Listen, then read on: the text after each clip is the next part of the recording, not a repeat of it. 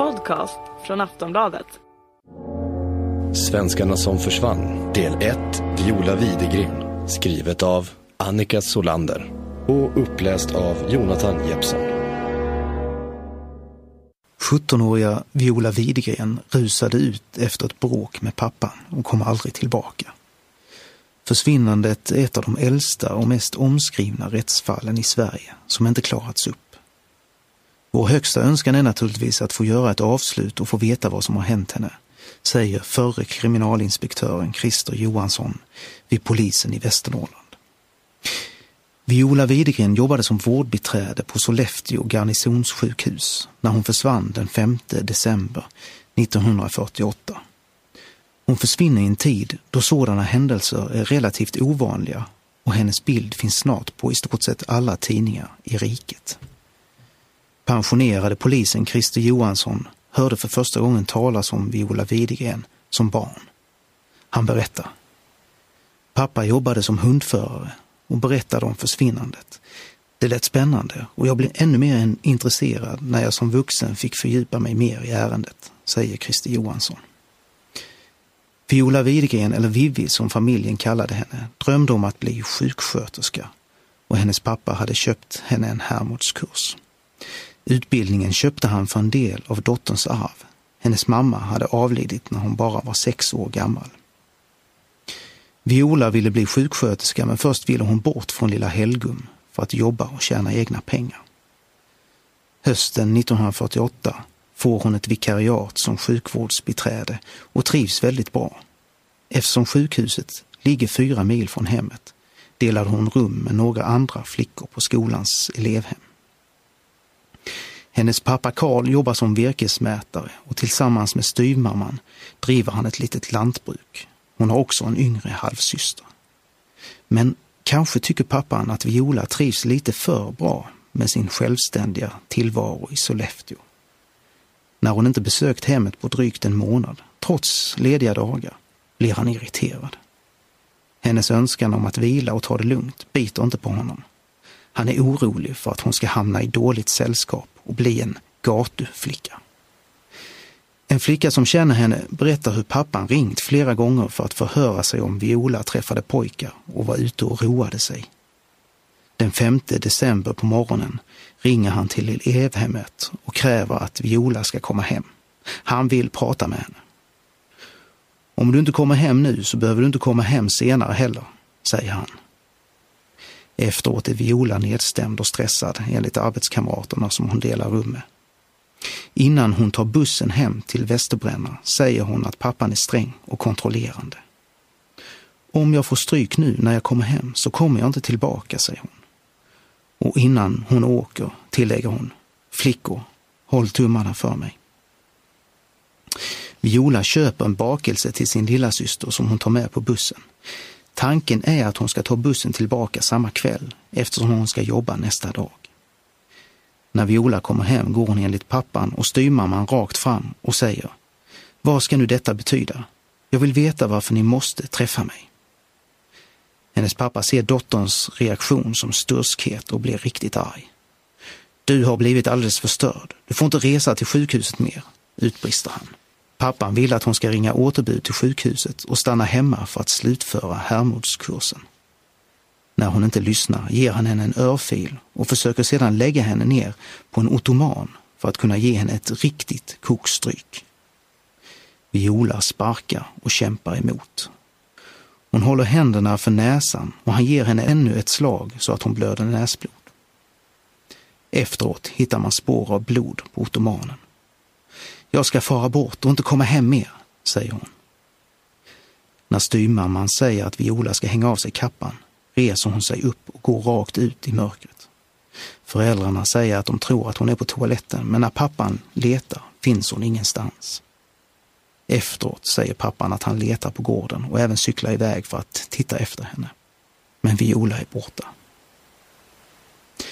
Samma natt som Viola försvinner har några ungdomar som bor mitt emot familjen Widengren varit på dans och kommit hem efter midnatt. De reagerar på att det lyser ovanligt mycket i fönstren hos Widegrens. En av ungdomarna ser en man på avstånd som han inte kan identifiera men som uppehåller sig i närheten. Den mystiske mannen kommer i medierna att kallas för Midnattsmannen och han förblir okänd.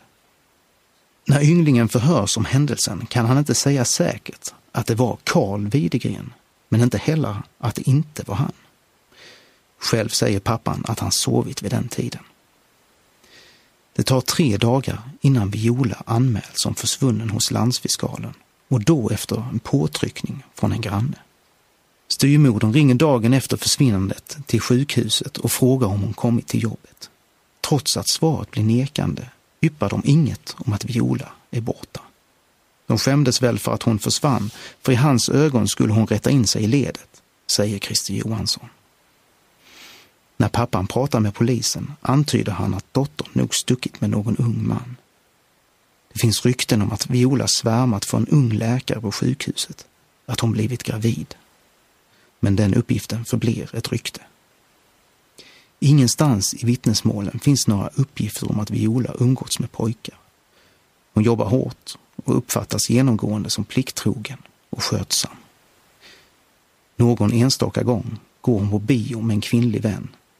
Annars sitter hon mest och syr eller läser på ledig tid och besöker regelbundet sin moster i Sollefteå. Ganska snart kommer misstankarna i bygden att riktas mot Violas pappa. Dagen efter Violas försvinnande är hennes lilla syster hemma från skolan och han är omtalat sträng och hård. Vid ett tillfälle säger Viola att hon är rädd för sin pappa. Med jämna mellanrum får polisen tips från sådana som säger sig veta att han är skyldig. Men enligt hans och styvmammans redogörelser händer inget mer efter att hon springer ut och försvinner i tomma intet.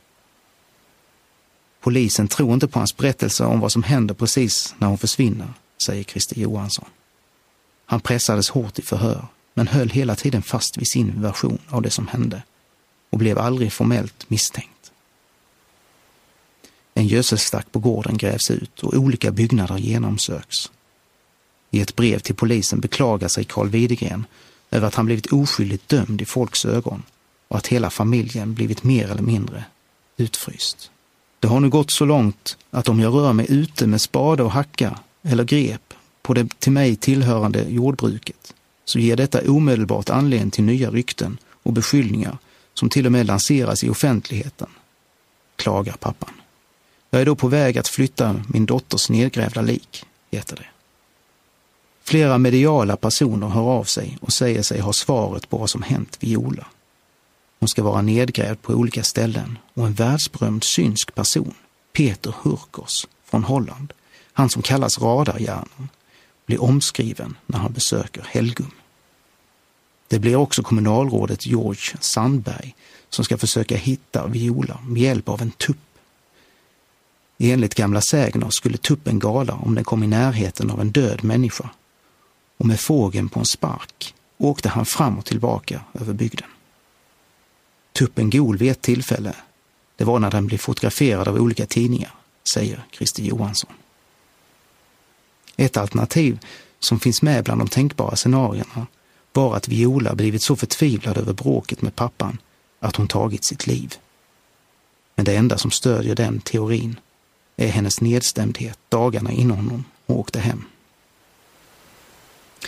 Att varken hennes kropp eller några tillhörigheter har hittats under 66 år spär på mystiken. Den ena spektakulära uppgiften efter den andra fyller pärmarna med polisens utredningsmaterial. Förslagen om vad som kan ha hänt henne trillar i stadig takt in till polisen i Västernorrland. Någon har sett Viola på tåget i Stockholm, en annan i Eskilstuna och ytterligare en tror sig ha mött henne i Jämtland. En 81-årig kvinna chockas när hon midsommaraftonen 1975 hittar en handskriven lapp i ett skrin. På lappen står det Tack för husrummet. Sök mig i Vancouver. Viola Widegren. Kvinnan som ägde asken hade hyrt ut en lägenhet i perioder. Meddelandet tros vara skrivet flera år efter det att Viola Widegren försvann, men hur eller varför den hamnat i asken är oklart. En 30-årig man från södra Sverige har av sig till polisen och berättar hur han under ett besök i Malaga möter en kvinna på en bar. Runt halsen bär hon en medaljong med texten Viola. Kvinnan dök upp och frågade om vi var svenska. Hon pratade perfekt svenska med oss hela tiden, berättade han. När han frågade efter hennes namn presenterade hon sig som Viola Widegren. Kvinnan, som verkade medtagen, berättade att hon varit intagen på mentalsjukhus. Mannens vän tycker sig känna igen namnet och ber 30-åringen att skriva upp det, vilket han också gjorde. Ytterligare två tips om att Viola setts i Spanien gjorde att polisen i Västernorrland kontaktade Interpol. Men förfrågningar till olika polisdistrikt i Spanien leder inte fram till något av värde. Christer Johansson är tveksam till att Viola flydde till ett främmande land. Jag har svårt att förstå hur hon som saknade både pass och pengar hade kunnat göra det. Uppslagen spretar åt alla håll, men har en sak som förenar dem. Inget av dem har fört utredningen vidare, utan bara runnit ut i sanden, säger den numera pensionerade kriminalinspektören Christer Johansson. Kriminalkommissarie Jan Sundin, som utredde ärendet, är numera avliden, men hade självmord som främsta teori. I en radiointervju från 1988 förklarar han varför. När hon fick order av sin pappa att resa hem så sa hon till sina arbetskamrater. Får jag stryk nu när jag kommer hem så kommer jag inte tillbaka hit. Hon hade fått stryk och gick ut utan hatt och väska. Och sedan finns hon inte mer, säger han. Faxälven, som delvis var isbelagd, ligger nära gården. I sökandet efter Viola spränger man upp isen på vissa platser, letar efter fotspår i snön och dykare går ner upprepade gånger utan att hitta något. Militärer söker i terrängen med hjälp av hundskolan i Sollefteå. Det som komplicerade ärendet var nog att det inte fanns något riktigt avgränsat sökområde. Man visste inte riktigt var man skulle leta, säger Christer Johansson. Oavsett om hon mördades, tog sitt eget liv eller rymde så fortsätter fallet Viola Widegren att fascinera. Jag började fördjupa mig i ärendet för att se om man kunde komma närmare ett svar på vad som hände henne. Med dagens teknik tror jag att man hade kunnat lösa det, säger Christer Johansson. Vad krävs då för att lösa ärendet efter så lång tid? Christer Johansson igen. Att man hittar kvarlevor som är identifierbara i närheten av Helgum. Andra fynd kan vara något som inte förstörts av tiden, knappar i hennes kappa, en skoklack eller något i metall. Varför har hon då inte hittats? Det var ogynnsamma förhållanden eftersom det kom en halv meter snö de där dagarna och det frös till. Finns det någon som exempelvis grävt ner en kropp så kan den ju ha flyttat senare, berättar Christer Johansson. När Violas pappa dör 1981 vill han prata med en präst. De pratade om något men prästen sa aldrig vad det handlade om, säger Christer Johansson. På frågan om hon någonsin lämnade Helgum svarar Christer Johansson. Nej. Viola Widegren dödförklarades 1958. Du har lyssnat på Svenskarna som försvann, del 1, skrivet av Annika Solander och uppläst av Jonathan Jeppsson.